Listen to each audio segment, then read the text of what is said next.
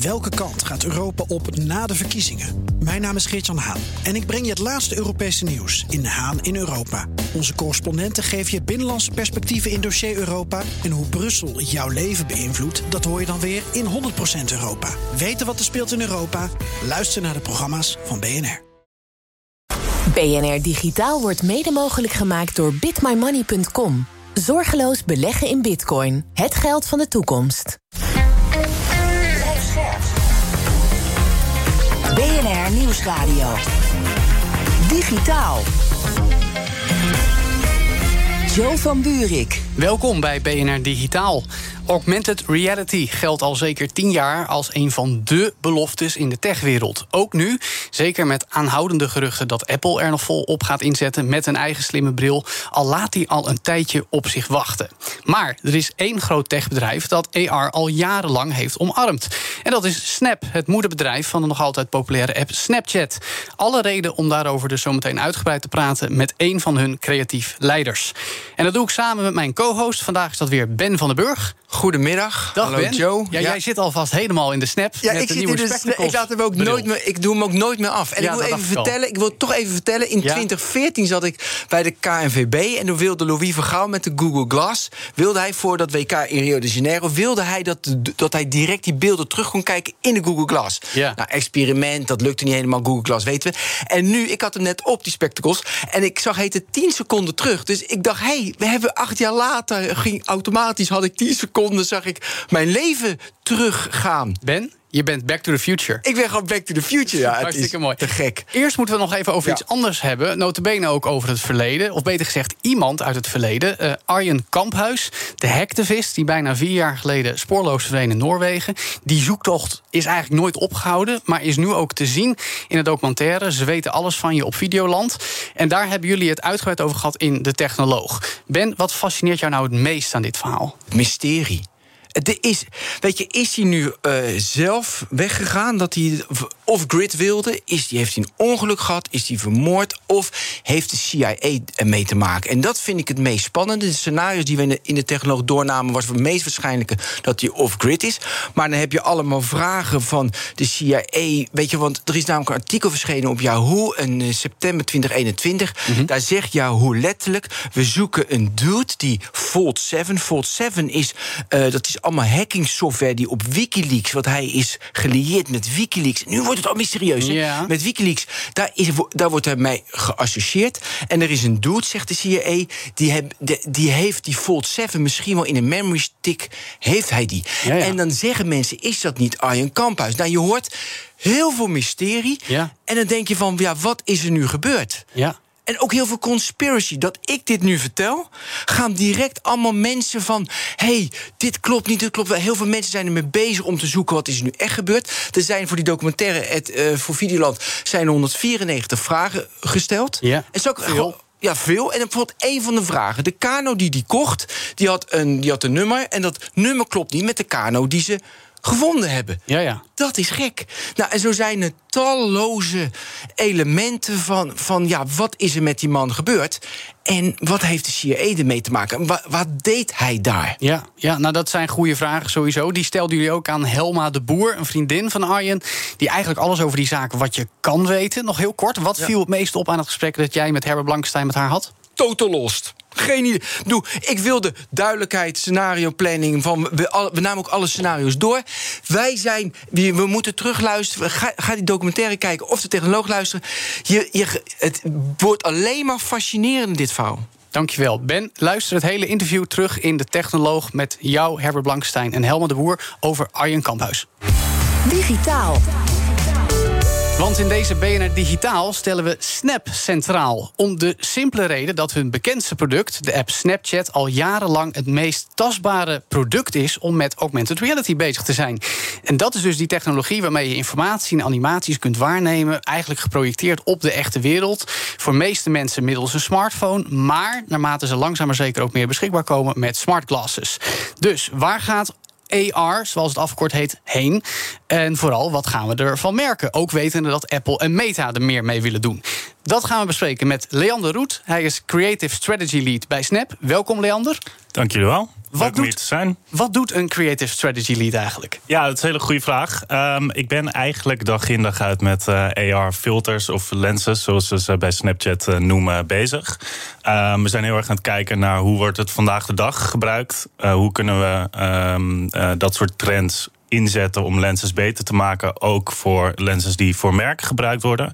Um, en omdat het zo innovatief is um, en cutting edge, zijn we eigenlijk ook altijd met de dag van morgen bezig. Nou, dan zeg je eigenlijk al een heleboel dingen die we in dit gesprek moeten gaan ontleden. Ben... Ja, nou even deze nog. Want je zegt creative lead. Hoeveel art en hoeveel science is jouw werk? Dus hoeveel data gebruik je om uiteindelijk te weten... hey, de lenses moeten die kant op of die moeten die kant op? Ja, um, Goeie vraag. Eigenlijk is, het, eigenlijk is het altijd uh, een mix van beide. Dus het is heel erg exclusief, het is heel erg creatief. Um, uh, veel van onze gebruikers vinden het ook leuk om met uh, AR te spelen, juist omdat het ze helpt om nou, misschien wat grappiger te zijn of eerder iets creatiefs te delen. Dus dat is heel erg de zachte kant.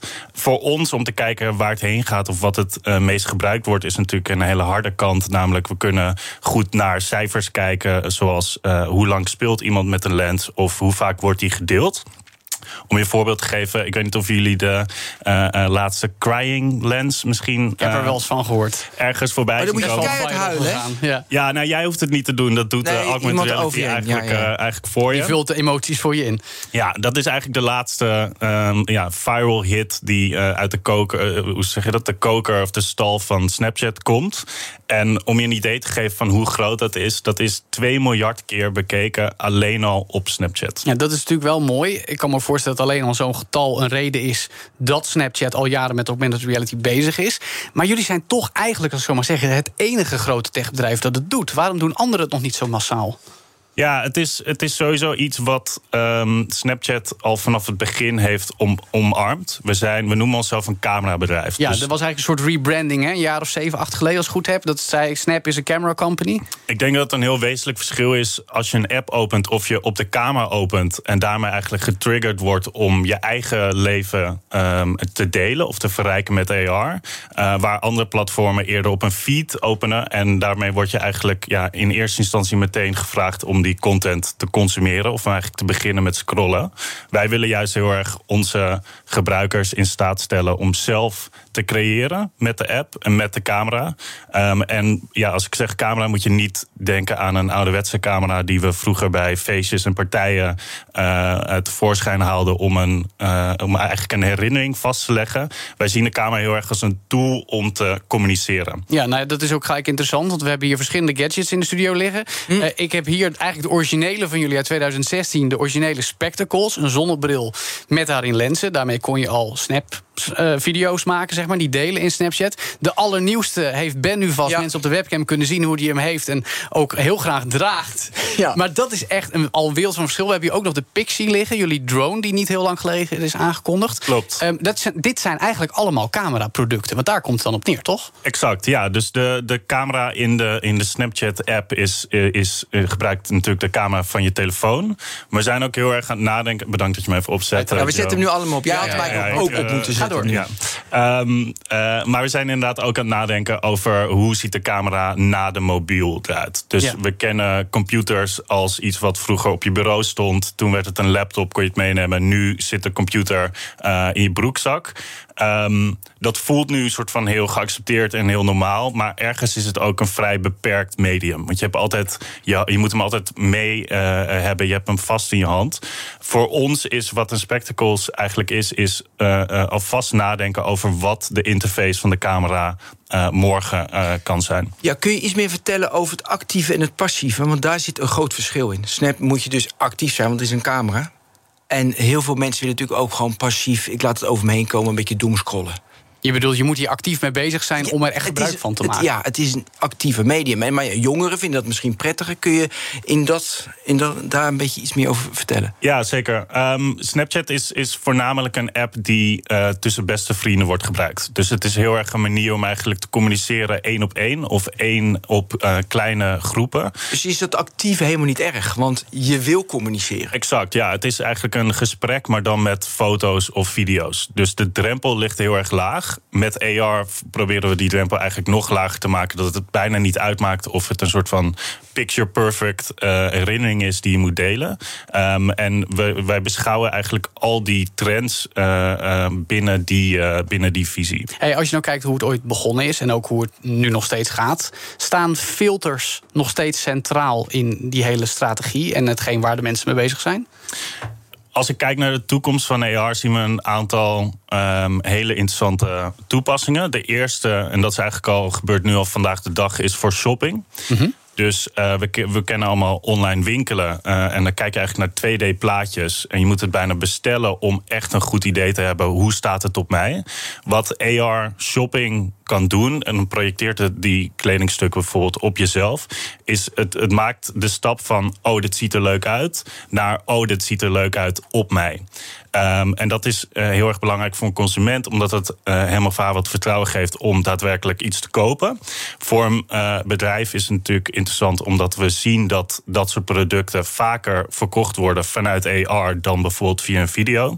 En, en dat vind ik misschien zelfs nog wel ja, bijna het belangrijkste punt daarvan. We zien dat producten die via die AR shopping worden gekocht, veel minder worden teruggestuurd omdat, ja, ja. al... omdat het beter past. Omdat ze het al virtueel gepast ja, hebben. Precies. Ik zag een case bij de Next Web uh, met brillen.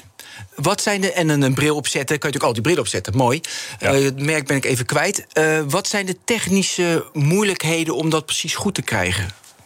Een van de voornaamste technologische uitdagingen is om de sizing goed te hebben. Tuurlijk. Ja, dus uh, je wil niet dat Hoe iets los je groot. dat op? Ja, dus dat is. Dat is um, ik, ik, ben een creatief stratege. Wel, maar je een, weet het wel. Ja, ik denk dat het. Um, uh, het is een work in progress in de zin dat um, we hebben nu al iets wat true size heet. Waardoor als je bijvoorbeeld brillen draagt, dan zie dat er precies uh, op dezelfde grootte uit als dat het daadwerkelijke product dat is. Um, en we zijn nu ook bezig om dat uh, op dingen als kleding te perfectioneren. Ja. Zodat je echt kunt weten welke maat heb ik nodig uh, en hoe staan verschillende maten mij binnen augmented reality. Het is natuurlijk ook heel tastbaar, hè? Dat dat nou, met augmented reality passen van producten. Het is ook heel makkelijk te commercialiseren, zou ik zeggen. Ik heb gezien dat jullie samenwerking met Tommy Hilfiger hebben, met Vans, als ik het goed heb. Liggen daar nu de grootste kansen om zowel creatief als commercieel de komende tijd gewoon door te pakken? Ja, dus shopping is, is iets wat eigenlijk nu al gebeurt. Het is niet een soort van vaag toekomstbeeld. Het is gewoon vandaag de dag een hele interessante oplossing, denk ik, om, um, um, om producten te proberen. Een andere hele interessante um, toepassing van augmented reality ligt, denk ik, in education. Ja. Yeah. Um, uh, of eigenlijk ja, dingen leren. En dat is heel erg vanuit het idee dat als je uh, iets visueel kunt maken, is het veel makkelijker te begrijpen als mens. Dus een voorbeeld daarvan is bijvoorbeeld: we hebben een, een planetenlens of een planeten-AR-ervaring, waarbij je eigenlijk door het zonnestelsel heen kunt lopen en de verschillende planeten in groottes en verhouding tot elkaar echt visueel in 3D kunt ervaren. Yeah. Dat geeft een veel beter um, begrip van uh, uh, hoe uh, ons zonnestelsel eruit ziet als je het vergelijkt met een, een, een platte video. Yeah. Een ander voorbeeld waar ik zelf heel erg heel erg enthousiast van ben, is um, ik probeer al een tijdje piano te leren. Yeah. Maar ik ben niet heel goed in noten lezen. Um, Zo'n spectacles kan straks bijvoorbeeld zien dat ik achter een piano zit en mij een liedje leren door uh, de toetsen op te laten lichten op het moment dat ik die moet indrukken. Ja. Dus eigenlijk hè, is het eerst gewoon, het is een. eh, nou, het is een lenzen, het is een camerabedrijf. En dan ga je eerst dus heel veel mensen warm maken... dat de jeugd, vooral de jongeren, het fantastisch vinden... allemaal lens te doen. Dan ga je shopping doen. Dan ga je, en dan ga je educatie doen. Dus dat, dat is de volgorde. Nee, je knikt nee. Nee, nee, zeker niet. Nee, ik probeer gewoon een aantal voorbeelden te geven om. Kijk, wij zijn, wij zijn waarom eh, in een vraag- radio-uitzending. Dus ik zou het heel graag visueel maken. Nee, maar ik vraag het ook vanwege de business. Snap je? Ja. Want Ja. kijk, je doet natuurlijk dat, dat ik een leuke crying lens heb, dat is mooi. En dan kan dan, Ja. vind, en dan komt Coca-Cola, kan ik iets mee doen. En, en branding. Maar daarna moet je natuurlijk ook naar business. Want jullie zijn gewoon beursgenoteerd. Maar ik snap, ik snap wel waar je vandaan komt. Want uh, in Nederland hebben jullie 4,5 miljoen gebruikers. Is gecommuniceerd vanuit Snap-cijfers. Klopt. Uh, in de leeftijd van 13 tot 24 procent hebben jullie 90 procent bereik. Dat zou dan meer zijn dan Instagram en Facebook. Dat is mooi natuurlijk om te communiceren. Maar dat zijn vooral Gen Z'ers, als ik het zo kan zeggen. Dat is dus wel een interessante doelgroep om als grootste pool te hebben nu? Ja, ik denk Gen Z en millennials. Ik denk dat veel mensen zich vergissen in uh, hoe oud Snapchatters eigenlijk zijn. Mm -hmm. Kijk, Snapchat is inmiddels ook alweer een, een bedrijf wat tien jaar bestaat. Dus de mensen die uh, tien jaar geleden 15 waren, zien, zijn nu 25 jaar. Ja.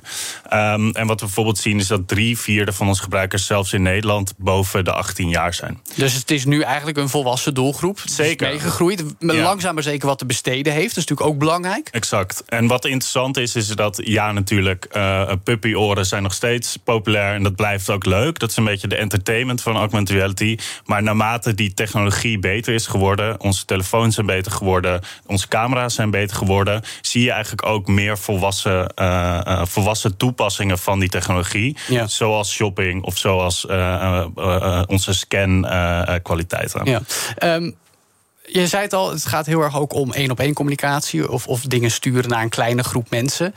Um, dat vind ik interessant, want augmented reality wordt heel vaak in één adem genoemd met virtual reality. Inherent anders, want daar heb je een afgesloten bril voor nodig. Sluit je je letterlijk af. En met augmented reality leg je het over de gewone wereld heen.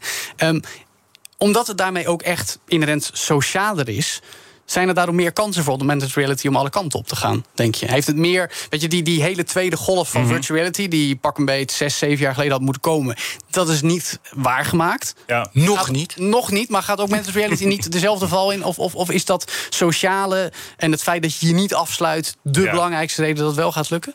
Nou, ik denk dat, dat het met AR al gelukt is. We hebben uh, in ieder geval op Snapchat 250 miljoen dagelijkse gebruikers die uh, dag in dag uit met AR bezig zijn. Over de hele wereld. Over de hele wereld, ja. Ja, geen 250 miljoen Nederlanders. Nee. Um, als je kijkt naar het verschil tussen AR en VR, wordt vaak op een hoop gegooid. Dat snap ik. Het is uh, één letter verschil. Voor ons zit er wel echt een heel wezenlijk verschil in. Namelijk dat wij vanuit Snap, um, uh, wij willen juist inzetten op de echte wereld. We willen niet de echte wereld vervangen met een digitale. Ja. We willen, dat is, het zit ook een beetje in de naam besloten. Dus augmented reality, we willen de werkelijkheid verrijken. Ja. En dat kan zijn door extra Ja. info te geven of, um, uh, of die leuker te maken. En ik weet, je bent de creative lead, dus ik vraag nu meer dan je zou kunnen, denk ik, beantwoorden. Maar toch, weet je, deze vraag brandt natuurlijk heel erg. Het is natuurlijk zoveel gebruikers, is fantastisch. En dan moeten er nog veel meer komen. Maar uiteindelijk ging Google en Facebook werken toen er een businessmodel was. En het businessmodel bij de Next Web vond ik heel mooi. Weet je, daarom vind ik shopping mooi. Dat begint. En education, lastige markt, gaat het werken? Dat begint. Maar daar moet nog wel fundamenteel iets in veranderen. Kan je er iets over zeggen? Of zit je niet in dat spel. Maar ook qua branding, weet je, dat, het blijft, dat model blijft lastig voor Snap. Um, ik denk dat het een uh, gelaagde vraag is. Uh, Snapchat gaat heel goed wereldwijd, maar ook in Nederland. Um, en we zien nogmaals, ja, het is een beetje een herhaling van zetten in de zin dat naarmate de technologie meer kan, wordt er, worden de toepassingen ook interessanter. Ook vanuit een commercieel oogpunt. Ja. Dus um, uh, ja, dat, en bijvoorbeeld shopping AR. We doen nu alsof dat heel normaal is. Maar eigenlijk vorig jaar konden heel veel van dit soort Maar ik toepassingen. denk dat heel veel mensen herkennen. Als ik voor mezelf, al hoe vaak ik nu AR uh, dus gebruik in vergelijking met vijf, zes jaar geleden. Gewoon omdat het normaal is. Ja. Dat, dat klopt. Ja. Ja. Mis- Misschien even, k- dus qua shopping, want een brillenvoorbeeld. Ik vind Ja. het wel fijn. Hebben we zo'n crying baby ook voor shopping? Die gewoon huge is. Iets waardoor in één keer Ik iedereen ziet, hey, dit is er. bijvoorbeeld. En, nou ja, bijvoorbeeld dat iedereen ziet, dit is er en ik moet er gebruik van maken. Dat je er Ja. gewoon niet meer omheen kan. Ja, zeker. Nou ja, kijk, veel van de uh, um, uh, selfie-lenses uh, die wij voor merken doen, gaan juist uit van dit soort trends. Van wat we zien dat mensen sowieso al leuk vinden uh, om te gebruiken. Ja. Ja. En wat, is nou de echte belofte van augmented reality? Want jullie staan at the forefront, weet je, jullie hebben er al van alles mee gedaan, jullie blijven mee bezig. Waar gaat het naartoe? Ja, um, nou, ik denk dat, um, dat het heel erg goed is om, om erbij stil te staan dat uh, de mobiele telefoons zoals we die nu hebben. Uh, dat is eigenlijk wat we kennen en wat we gebruiken elke dag. En daar gebeurt eigenlijk al een paar jaar niks meer. Smartphones staan stil qua innovatie, Het- het- zou ik het- zeggen. Ze zijn niet. Ze nou ja, Ben gaat slecht. Ja, Nee. nee, ben ik even. Nee, prima. Nee, dat is Ja. toch? Nee, nieuwe chips en sneller, Ja, waardoor maar je niet- meer, niet- meer niet- mogelijkheden niet Ik denk, met dat de als je, camera, ja, zeg maar. ik denk dat als je een beetje uh, één stap terugneemt en kijkt naar de, de hardware um, uh, veranderingen die we hebben gezien, zoals ik zeg, van desktop naar laptop naar mobile uh, en um, nu naar wearables. Mhm. Ik denk dat dat heel erg een nieuwe revolutie zal inluiden uh, uh, binnen de ervaring. Dus wat gebeurt er als je de digitale laag naadloos laat aansluiten op de werkelijkheid en zelf kunt bepalen welke um, elementen je eigenlijk van het internet wil zien uh, op de plek waar je bent? Ja, ik heb nog een hele belangrijke vraag, nou, Welke verschrikkelijk woord competitive advantage hebben jullie opgebouwd de afgelopen jaren ten opzichte van de concurrentie, waardoor je ze in AR voor kan blijven? Goeie vraag. Dus uh, het is uh, A, technologisch. We zijn technologisch heel erg ver, omdat we gewoon al jaren leren wat werkt in AR. Ja. Al die use cases hebben precies, jullie? dat bouwen we op. maar misschien nog wel belangrijker, AR is heel erg natuurlijk voor de Snapchatter. Dus het voelt bijna niet als een feature van de app. Het is eigenlijk het hoort bij wat het is om te Snapchatten. Um, en dat geeft ons volgens mij een groot voordeel um, uh, als je uh, kijkt naar de concurrentie. Het is niet uh, iets wat je, um, waar je over nadenkt. Het is eigenlijk al ingebakken in het gedrag van de mensen die Snapchat gebruiken. Wat je eigenlijk zegt is, zoals we zeggen, we even googlen, wordt het ook even Snapchatten. Exact. Hoe houden jullie dat vast, heel kort? Dan houden we wat vast. Hoe houden jullie vast dat het Snapchatten wordt zoals het googlen is? Nou, ik denk dat we, uh, zeker als je kijkt naar de geschiedenis van ons bedrijf, dat we eigenlijk altijd heel erg innovatief zijn geweest. En veel van de hedendaagse mobiele uh, formats die, uh, die we allemaal kennen, dus bijvoorbeeld stories of foto's of video's die verdwijnen na 24 uur, en nu weer AR, komen uit de stal van Snapchat. En die komen, uit, um, die komen vanuit het idee dat Evan Spiegel, founder. Hij is een productdesigner. Hij wil heel erg gaan nadenken hoe kun je de camera opnieuw uitvinden. Um, en dat proberen we dag in dag uit uh, te doen. Super. Dankjewel, Leander Roet, Creative Strategy Lead bij Snap. En straks hoor je in BNR Digitaal hoe moeilijk het is om een populaire videogame, te maken als ontwikkelstudio in Oekraïne. En gaan we in op Gaia X, een belangrijke belofte voor data-infrastructuur in Europa. Maar daar gaat het niet zo goed mee nu. Zometeen dus in BNR Digitaal. BNR Digitaal wordt mede mogelijk gemaakt door bitmymoney.com. Zorgeloos beleggen in bitcoin, het geld van de toekomst. Ook Hugo Reitsma vind je in de BNR-app. Superhandig die BNR-app. Je kunt alle programma's live luisteren, breaking nieuwsmeldingen. Je blijft op de hoogte van het laatste zakelijke nieuws. En je vindt er alle BNR-podcasts, waaronder natuurlijk de belangrijkste, Boeken zijn in de wijk. Download nu de gratis BNR-app en blijf scherp. BNR Digitaal wordt mede mogelijk gemaakt door bitmymoney.com. Zorgeloos beleggen in bitcoin, het geld van de toekomst. BNR Nieuwsradio. Digitaal. Joe van Buurik. En welkom terug bij BNR Digitaal. Nog steeds met mijn co-host Ben van den Burg. Joep. Hoe dat je er nog steeds bent. Straks gaan we praten over Gaia X, het Europese cloud-project dat onze digitale soevereiniteit moet versterken. Maar daar gaat nu vooral een hoop mis. Maar eerst. Laat mij maar even. En vandaag laten we Jochem Visser, redacteur bij BNR Zaken, doen. Welkom, Jochem. Goedemiddag. En jij wilt het vandaag hebben met ons over een voorheen belangrijk Oekraïns exportproduct. En dan wel specifiek een videogame genaamd Stalker in kapitalen met puntjes geschreven. Wat voor game is dat? Sowieso als je hem zo schrijft, maar vertel. Nou, dat ze hem zo schrijven komt om de copyright claim van de film Stalker te voorkomen. Hè, Oh ja. Van Andrei Tarkovsky, meesterwerk. Maar nou ja, het is een prachtige game. Het is een eh, first-person shooter met een eh, open wereld. En, eh, en, en dat, dat speelt zich allemaal af rond Tsjernobyl. Of Gornobyl, zoals zij het nu allemaal zeggen. Want- Gornobyl? Ja, zij spellen nu natuurlijk alles inmiddels al, al op zijn Oekraïens in plaats van op zijn Russisch. Want dat is inmiddels wel een beetje. Dat Maar ze hielden eerst de Russische spelling aan. En sinds het conflict is begonnen, of geëscaleerd moet ik zeggen, is het Gornobyl. Ja, in 2007 brachten ze het eerste deel uit. Dat heette Shadow of Chernobyl. Want ze Mhm. wisten dat ze met de, de, de buitenlandse markt... dat ze daar wat meer geld mee konden verdienen. Mhm. En inmiddels is het, is het volgende deel, eh, Stalker 2... dat heet Heart of Gornobyl. Kijk. Dus dat is weer heel wat anders. Ja. Nu ben ik natuurlijk ook van de videogames. Stalker is een beetje een blinde vlek, moet ik eerlijk zeggen. Het is wel typisch populair eh, soort game. Schietspel, open wereld, alle elementen waar heel veel hardcore gamers behoefte aan hebben. Wat maakt deze game zo bijzonder? Nou, eigenlijk twee dingen. De, de eerste is dat, dat Stalker natuurlijk uit Oekraïne komt. En eh, dat, nou ja, dat zorgt ervoor dat het hele referentiekader van de makers heel anders is dan nou ja, dat van de gebruikelijke game developer uit Japan, Amerika of andere populaire Nederland. bestemmingen. Nederland, ik noem maar wat. Hè. We hebben er nog wat, Guerrilla, Playlogic. Maar het, het, het- en dat, dat zorgt ervoor dat de hele sfeer in die game altijd helemaal ja, donker, cynisch en, en uh, ja, post-Sovjet voelt eigenlijk. En dat is heel uniek, want alles is, alles is roestig. De, en was het al bij de eerste versie zo, of is dat toegenomen bij de eerste versie al? Ja, ja je zag in, in 2004 las ik er voor het eerst over. Toen ging de Power Unlimited ging naar Kiev, uh, Kiev inmiddels. Op blad, hè, Power Unlimited. Ja, dat waar is heel veel mensen waar ja, ja, zeker. Moet toegeven, nou ik ook ooit. En de legendarische Boris die schreef toen al een hele pagina vol over de maffia om de hoek. En hoe, hoe morose en, en, en ja, hoe moet je dat zeggen, treurig die developers eigenlijk wel waren daar. Laat ik het zo zeggen. Dus dat zit overal in. En zij, nou, zij hebben nog wat af te rekenen met geschiedenis. Tsjernobyl ligt net boven uh, Kiev uh, op de wereldkaart, laat ik het zo zeggen. Het is een tijdje rijden, maar alsnog. En, en daar zijn ze ook heen gegaan. Zij, zij zijn naar Tsjernobyl gegaan, hebben enorm veel uh, foto's genomen... en letterlijk die hele, dat hele gebied nagebouwd in die game. Ja. Dus dat was wel echt, dat was mega interessant voor mij natuurlijk. En dan zit er nog het supernatuur. En dat is heel erg vorm. Zit het ook in spelelementen? Zit er ook... ja?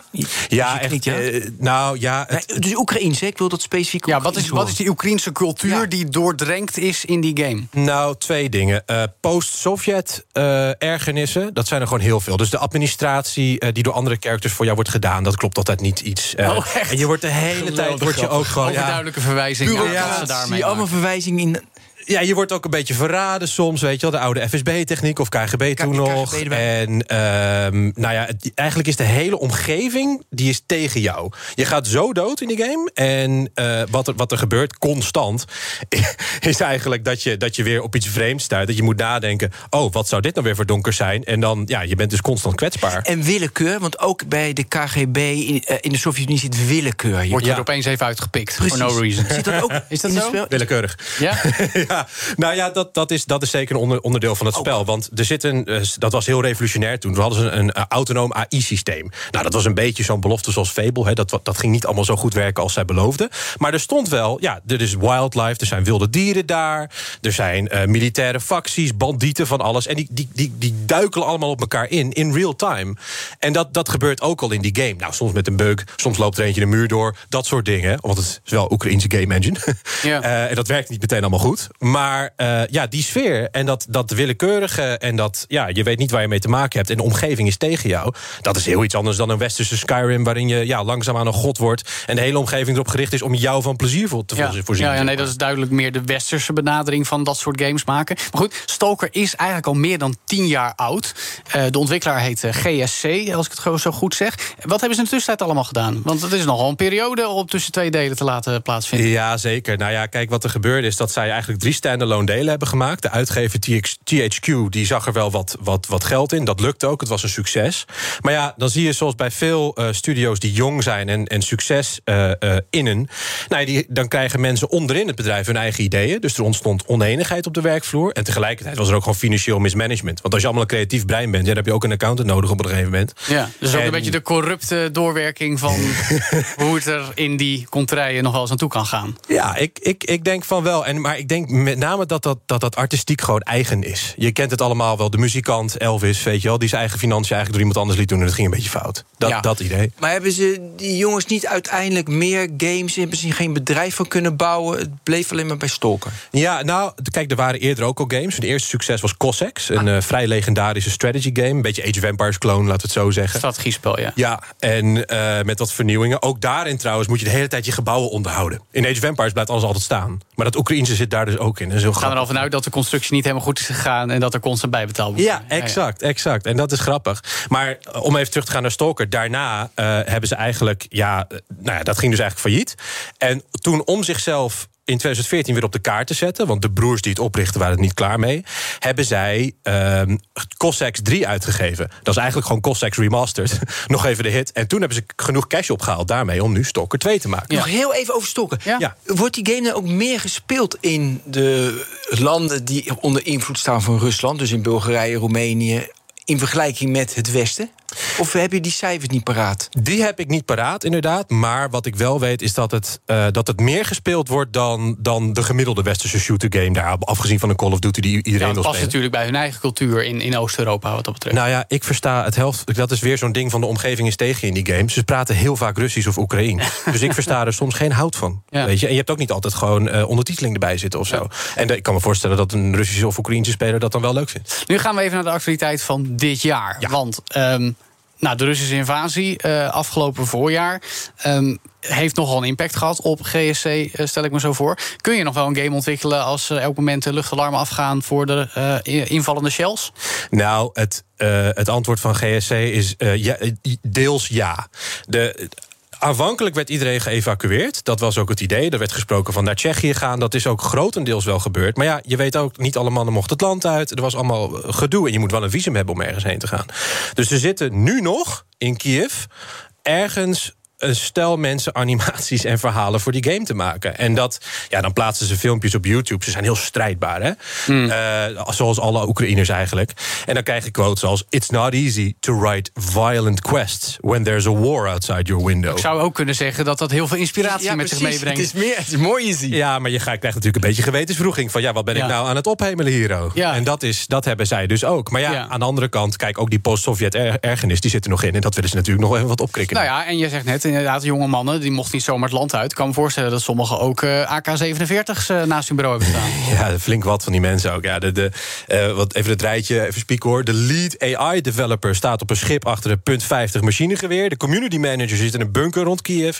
En de narrative designer, dus de verhaalbouwer... die verkondigt met een AK-74 in de hand... we gaan weer aan de slag met Stalker als we gewonnen hebben. Ja. Dus iedereen zit te vechten daar. En dat is, of tenminste een deel van het team zit ook gewoon te vechten. Ja. Ja, ja. Hoe, hoe is dat voor andere gameontwikkelaars in Oekraïne? Nou, uh, eigenlijk hetzelfde. Het is algehele misère daar. Uh, je hebt nog wat buitenlandse outsourcing. Hè? Want, Mhm. want, want van uh, Oekraïne en Rusland is ver, ver, verantwoordelijk voor 20 tot 25 procent van de hele outsourcing in de gamesindustrie. Zoveel? Ja, dat, Oh, dat is. Rusland en Oekraïne. Ja, oké. Moet ik even zeggen. Dat is toch al gauw nou, 180, 185 miljoen mensen, denk ik. Dus dat, nou, logisch dat daar de industrie heen gaat, goedkoop ook. Maar je hebt ook nog wat andere ontwikkelaars daar, zoals Frogwares. Die zijn bekend van de Sherlock Holmes Adventure Game reeks. Mhm. En ook gewoon buitenlandse bedrijven zoals Battlefield-maker DICE. Ja. Die hebben er ook nog een team zitten. Ben, heb jij een beetje zicht op in ieder geval de techsector in Ja, Oekraïne? ja, ja, Wat daar nu gebeurt? Ja, ik heb klanten die dan eh, minder snel kunnen ontwikkelen. Omdat ze daar in de Oekraïne die developers minder snel gaan of even niet kunnen of moeten vechten. Waardoor ook in Europa nou, zeg maar, projecten stilstaan. Ja. Dus het gebeurt ja. Maar het is wel interessant, want ondertussen hebben eh, president Zelensky... en vooral ook de minister Fedorov van Digitalisering... eigenlijk opgeroepen om het land te herbouwen als Valhalla voor de techsector. Ben, jij en ik hebben dat notabene Ja. op de Next Web Conference horen zeggen... door Zelensky in die projectie. Eh, Jochem, is dat een perspectief voor Oekraïne... dat überhaupt realistisch te verwezenlijken is... om zich opnieuw digitaal te herbouwen, ook voor die gamesontwikkelaars? Nou ja, kijk, dat is eigenlijk een vraag die vooraf wordt gegaan door een Bernard Hammelburg-vraag of een, of een andere Oekraïne-expert. En daarna dit antwoord verdient. En mijn antwoord daarop is: ik hou het even bij mezelf. Maar ja, totdat die oorlog over is, is er eigenlijk weinig perspectief. Want wat er nu gebeurt, is natuurlijk dat het land uh, aan de ene kant willen al die mensen vertrekken. Sommigen willen nog vechten en blijven en, en, en doorwerken als ze niet anders kunnen. Maar er is een leegloop. Nou, ten tweede is ook gewoon een brain drain, zoals men dat noemt. Want van buitenaf komen dan weer partijen die zien dat ja, Oekraïnse developers ook genoegen nemen met 1000 euro minder, laat ik het zo zeggen. En die kopen gewoon die hele tent leeg. Dat zie je ook gebeuren daar. Dus nou ja. Kijk, ik snap dat ze dat zeggen, dat ze een, een techsector willen ontwikkelen. Maar dat zal nu nog in ieder geval knap lastig dat klopt, Jochem, maar het is natuurlijk wel een mooie richting. Als je dan toch een richting op moet Ja. gaan, dan snap je van... hé, hey, weet je goed, ze zijn goed opgeleid. In daar zou je dat wel kunnen doen. Ja. In vergelijking met België bijvoorbeeld. Ja, en, eh, om een van- land te noemen.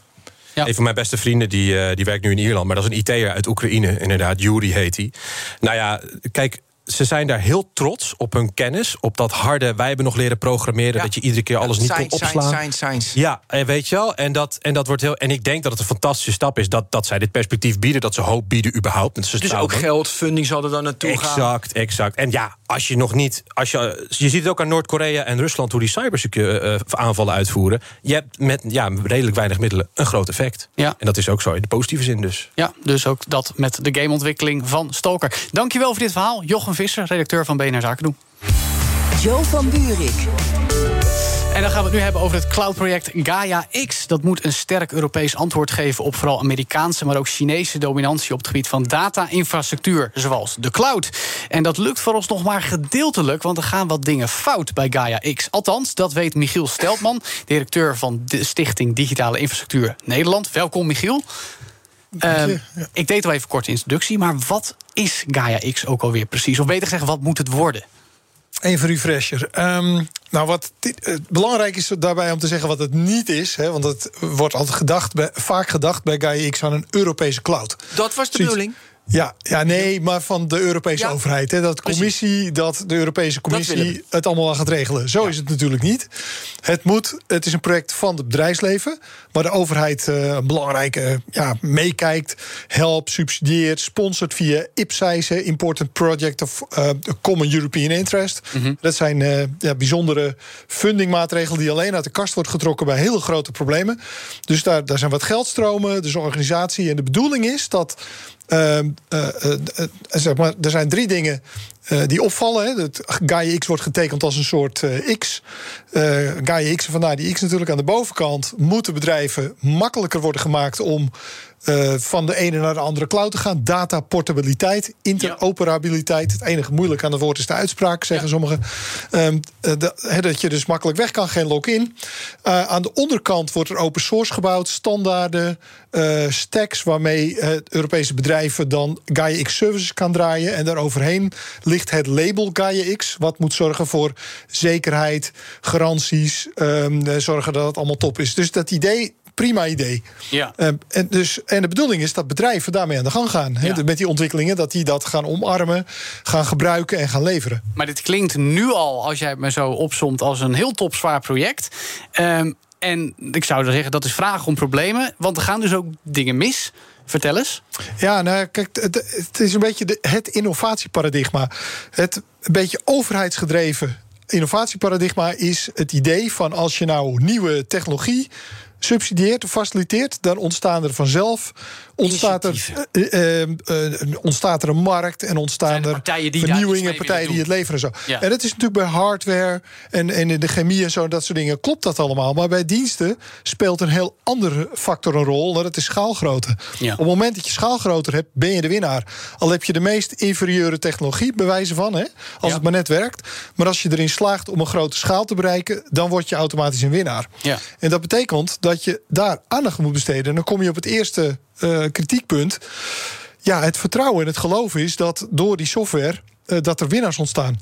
Maar ik zeg wel eens, als, en, en Gaia X is dan open source software. Het wordt ontwikkeld door allerlei partijen. En uh, met aanbestedingen weet ik het allemaal. Staat dus er is ook niet één techreus die het in handen heeft. Is de bedoeling dan? Nou ja, een beetje flauw kun je zeggen. Het staat op GitHub. En GitHub is van Microsoft. Ja, het is ja, tegenwoordig. okay, maar goed, ja, hè, maar het, is niet, het is niet echt eigendom van Microsoft. Het is een beetje flauw.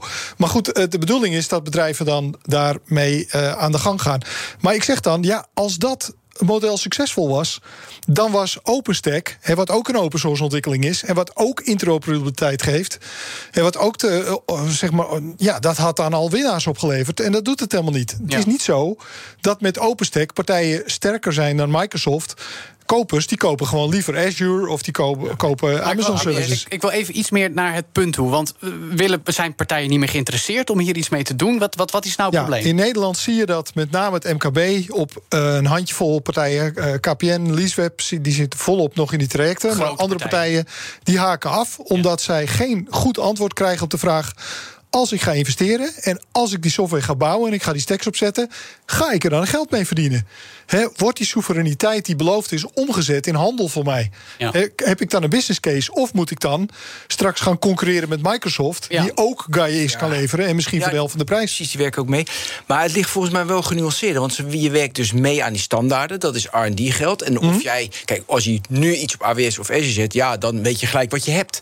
En nu, met Gaia X, weet je nog niet wat je hebt. Want dat is de ontwikkeling die je doet. Precies. Het is er nog En niet als ik dan kijk wat bijvoorbeeld Nederland investeert, ik las 70 miljoen en Frankrijk zit er vol in. Het is Ja. ook wel, weet je, wij gaan er ook niet vol voor.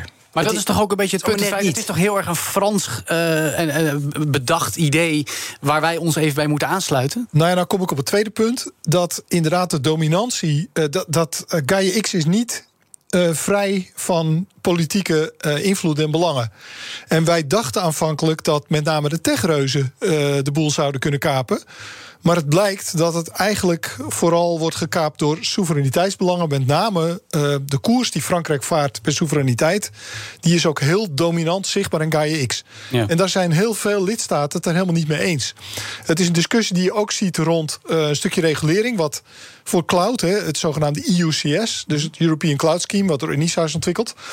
Daar zie je dat heel sterk. Dat Frankrijk grote druk heeft uitgeoefend om daarin hele strenge regels voor soevereiniteit. En ook uh, schrems, weet je wel, dat soort dingen allemaal te regelen. Ja. En in de praktijk is dat voor heel veel bedrijven helemaal niet haalbaar. Het is te duur, het is te ingewikkeld. Dat gaat helemaal niet. Nee, daar moeten andere oplossingen voor komen. En die dominantie om gewoon te dwingen dat uh, bepaalde technologie niet gebruikt kan worden. En, en uh, ook uh, uitsluiting van niet-Europees personeel, uitsluiting van niet-Europese bedrijven in die stacks. Ja, dat gaat heel veel landen een, een stapje te ver. Ja. Maar Frankrijk zet er heel sterk op in. En je ziet dat dat soort ideeën en policies ook binnen Gaia X nu eigenlijk zo soort van de facto worden gepresenteerd als nou ja, dat, dat is belangrijk en zo moeten we dat regelen. Ja. Is dit uh, project nu ten dode opgeschreven, Michiel? Nee, dat geloof ik niet. Nee, dit zijn zorgen en risico's um, die mits tijdig worden geadresseerd door bijvoorbeeld landen als Nederland wel degelijk die koers kunnen bijstellen. En Nederland is veel krachtiger en invloedrijker dan men vaak denkt. bij de totstandkoming van die Europese wetgeving, het IUCS bijvoorbeeld, zijn de schema's uit drie landen genomen: uit Frankrijk en Duitsland en uit Nederland. Omdat Zeker wij zo'n verontwikkeld ja, omdat wij, land zijn. Precies, maar ook dat we kennis hebben op het gebied van assurance en auditing en dat soort zaken. Uh, zijn, zijn daarin gekomen.